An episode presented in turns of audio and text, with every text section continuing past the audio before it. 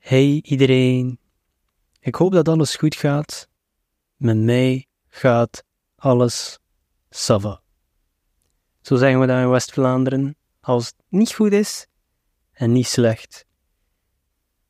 Maar elke dag zoek ik toch naar iets positiefs. Ik adem, mijn gezin ademt. Ik heb mensen die me graag zien. Ik heb een goede kop koffie gedronken deze ochtend. Dus zo slecht is het nog allemaal niet. Deze aflevering zal niet over één bepaald topic gaan, of het is te zeggen. Misschien gaat het over mezelf. Dus als je niet wil weten hoe het gaat met mij, dan sla je iets best over. But all jokes aside, ik kan zo'n tussen haakjes update podcast aflevering misschien één keer per maand doen of zo. Dus het is zeker een maand geleden. Hoe gaat het met de man achter de schermen, The Wizard of Oz? Waar is hij in hemelsnaam mee bezig? Ik weet dat de topics van de afgelopen weken misschien een beetje out there waren voor sommige mensen. Ik ga graag de filosofische kant op en dat doet me denken aan een leuke e-mail die ik onlangs mocht ontvangen van een luisteraar. En mogelijk luistert die persoon nu zelf. Shout out to you, you know who you are. Een mail met constructieve feedback over mijn content, positieve zaken en minder positieve zaken. Negatief ga ik het niet noemen. Natuurlijk altijd spannend en een beetje beangstigend als je zoiets ziet. Wat zal ik lezen? Zal het confronterend zijn?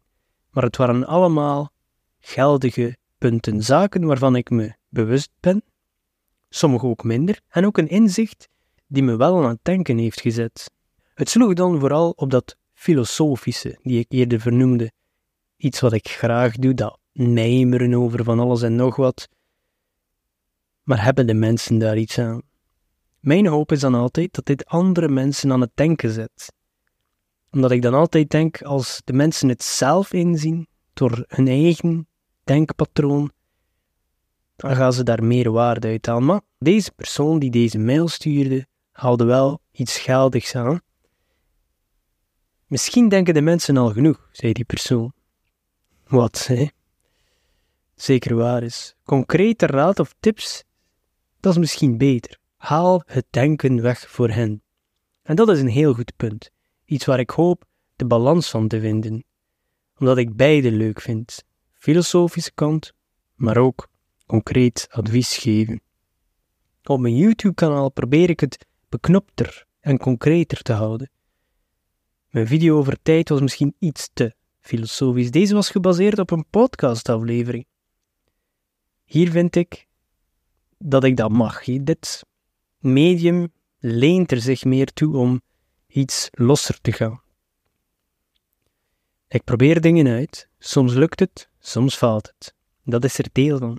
Een mens zoekt naar zaken waarover hij kan praten. We zitten bijna al een jaar in mensen. Ik heb zoveel ideeën, uiteraard. Gaan ze niet allemaal goed zijn.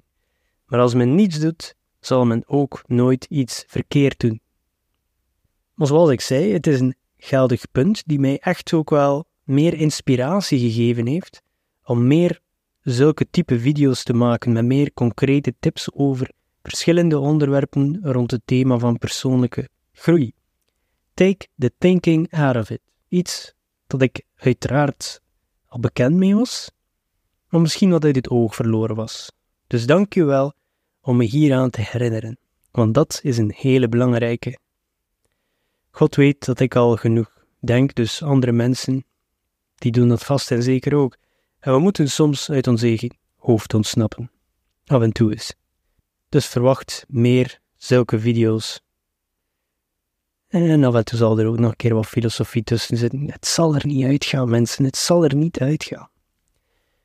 Maar ik ben ook nog bezig met het uitdenken van enkele andere formats of segmenten die ik kan introduceren op het kanaal. Of het zal aanslaan of dat mensen daarin geïnteresseerd zullen zijn, dat is nog afwachten. Maar het is leuk om eens iets anders te proberen. Voor mezelf, om het leuk te houden en hopelijk ook wat van waarde te bieden aan de mensen die kijken. Dus voorlopig droogt de content nog niet op. Ik ben wel consistent geweest op dat vlak en dat was ook iets dat die persoon heeft opgemerkt en aangehaald in zijn mail. Dus dat is natuurlijk leuk als iemand dat erkent.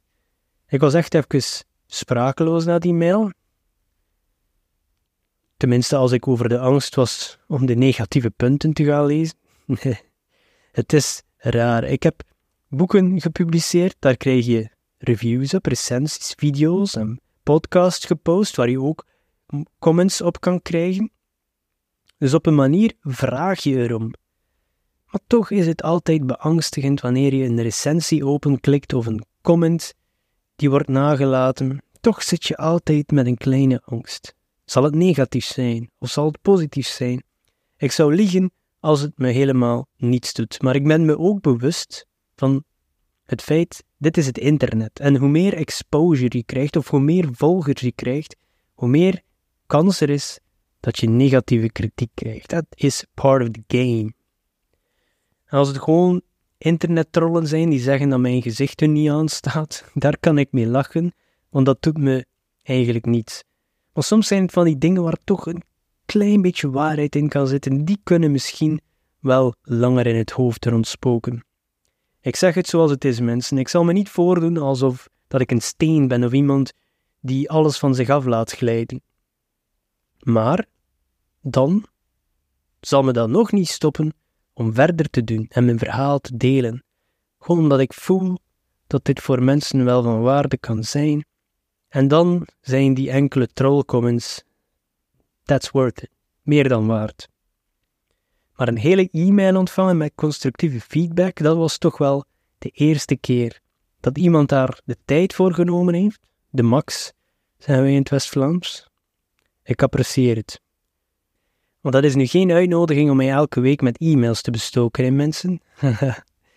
I'm kidding, stuur gerust. Of als je topics hebt die je graag wil besproken, zien of horen op deze podcast of zien op mijn YouTube-kanaal, ideeën zijn altijd welkom. Dat ik ze allemaal zal bespreken of kunnen bespreken, dat beloof ik niet, maar ik doe mijn best. Dus consistentie, digitale, content-wise, die is er zeker. Achter de schermen ben ik ook nog bezig met onderzoek naar online businesses. Jullie weten al van mijn Hot Sauce webstore die ik helaas na twee jaar heb moeten sluiten. Ik hoop hier wat van mijn fouten te leren en dit door te trekken naar alle nieuwe projecten die ik aanga. Dus hierin kruipt ook redelijk wat tijd. Uiteraard heb ik nog mijn 9 to 5. Het is te zeggen dat is vier dagen in de week, want woensdag werk ik niet. Ik werk vier vijfde, maar er is toch wel een groot deel, een big chunk of time, die ingepalmd wordt door al deze zaken. Een gezin die natuurlijk ook tijd en liefde nodig heeft, want ja, waarom doen we dit anders? Zij moeten de prioriteit zijn. Dus er lijkt weinig tijd over te blijven. Ik sport ook praktisch elke dag, daar gaat ook nog wat tijd naartoe.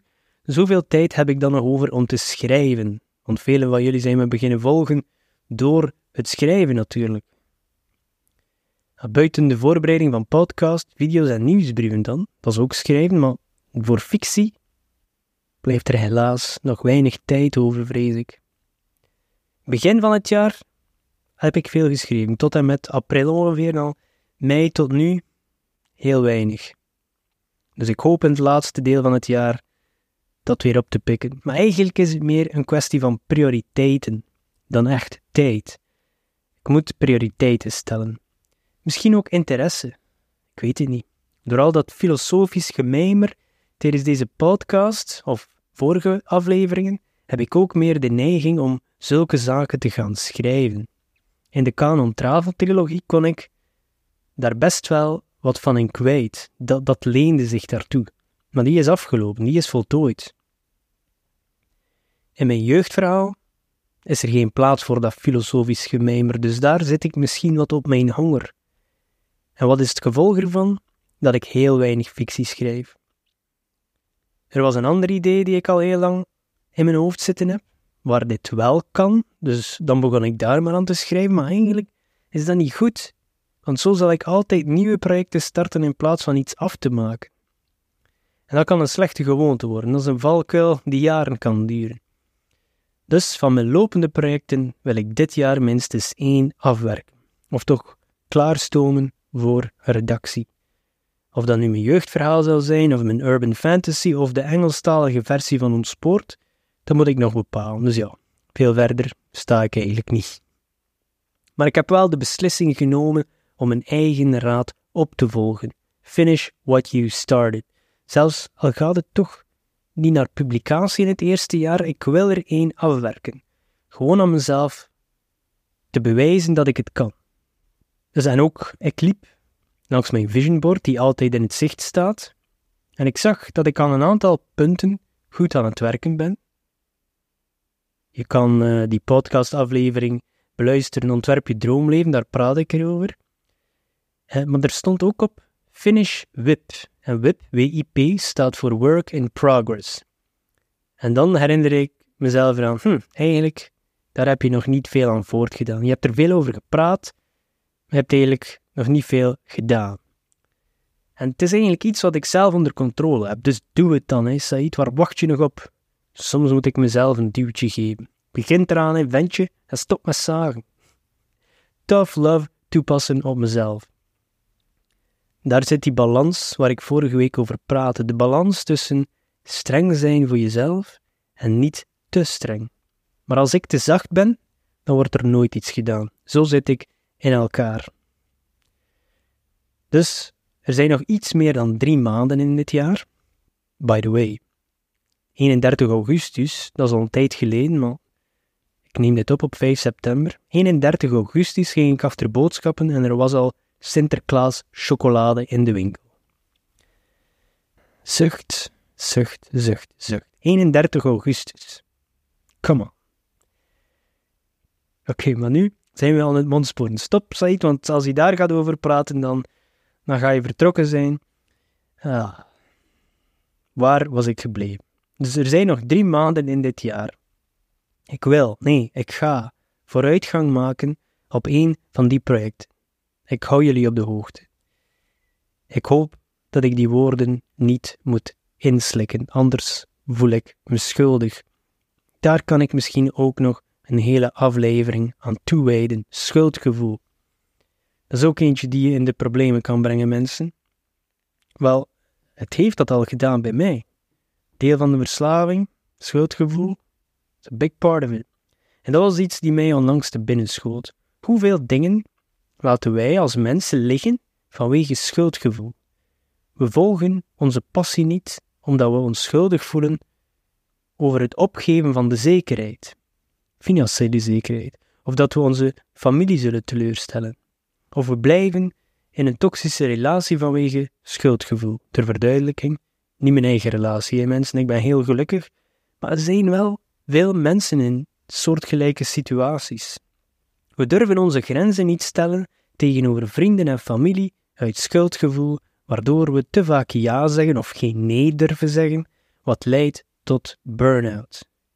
Sommige mensen voelen zichzelf schuldig bij het idee van persoonlijke groei, omdat ze denken dat hun dit egoïstisch maakt of zelfs zuchtig maakt.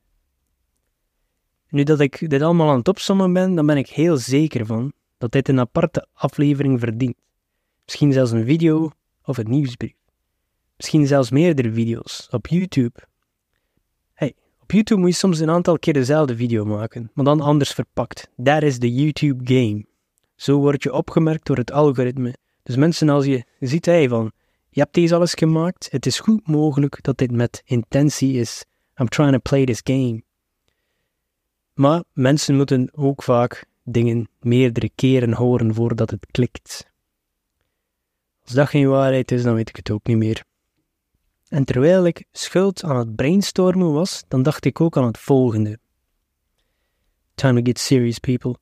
Als ik ooit terugval, als ik ooit terug begin te drinken, zou ik het dan durven zeggen aan mijn volgers, aan de mensen die hier naartoe luisteren, de mensen die mijn video's bekijken? Het is puur hypothetisch, in mensen. Voorlopig ben ik nog nuchter. Ik werk daar elke dag aan. Maar dit kwam opeens in mijn hoofd, samen met een ongelooflijke druk. En dat komt af en toe eens naar boven. Als je een soort van advocaat wordt van nuchterheid, en mensen sturen mij daar bijna dagelijks over berichtjes, vooral TikTok en Instagram, met dankbaarheid dat ik dit deel. En eh, hoe ze hun daarin herkennen en hoeveel ze daaraan hebben.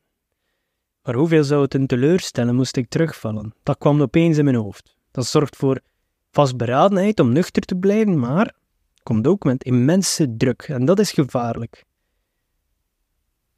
En zou ik dat durven zeggen, of zou het schuldgevoel te groot zijn? Schuld en schaamte. Dat is al een grote, in de familiesfeer of in de vriendenkring.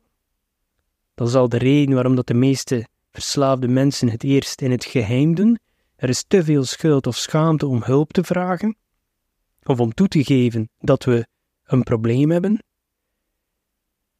Dus ja, het is nu niet dat ik super groot ben, dat ik zo groot publiek heb, maar toch voel je een soort van verantwoordelijkheid. Dus die vraag schoot mij opeens te binnen. Zou ik het dan durven zeggen? Maar aan de andere kant zou ik het net heel belangrijk vinden om dit te delen. Eens ik dan door de schaamte en schuld geraakt ben, want dat zal zeker even duren. Maar het is gewoon om aan te tonen, ik zou het moeten delen om aan te tonen dat het deel is van het proces en dat we allemaal mensen zijn en dat we terug moeten opstaan. We all make mistakes. Ik heb er al veel gemaakt, ik heb er al veel opgelost, maar ik zal er nog veel maken en we zullen er nog moeten oplossen. En zoals Rocky zei, Rocky Balboa, het leven gaat er niet om hoeveel klappen je kan uitdelen, het gaat erom hoeveel je er kan opvangen en dan terug opstaan. Geen wijzere woorden werden gesproken, mensen. Ik denk dat ik het hierbij zal laten. Korte aflevering. Het was leuk om even met jullie te praten. Gewoon een beetje casual deze week. Al zit ik hier alleen op mijn zolderkamer, toch voel ik een soort van verbondenheid met de mensen die luisteren. En ik heb het al gezegd, ik zal het blijven zeggen. Ik ben dankbaar dat jullie de tijd nemen om te luisteren, om posts te liken, om video's te kijken en comments achter te laten. Het voelt als een echte gemeenschap, een community. So let's build this together. En ik hoop dat jullie nog een goede week tegemoet gaan. Wees niet te streng voor jezelf en elkaar. Tot volgende week. Ciao.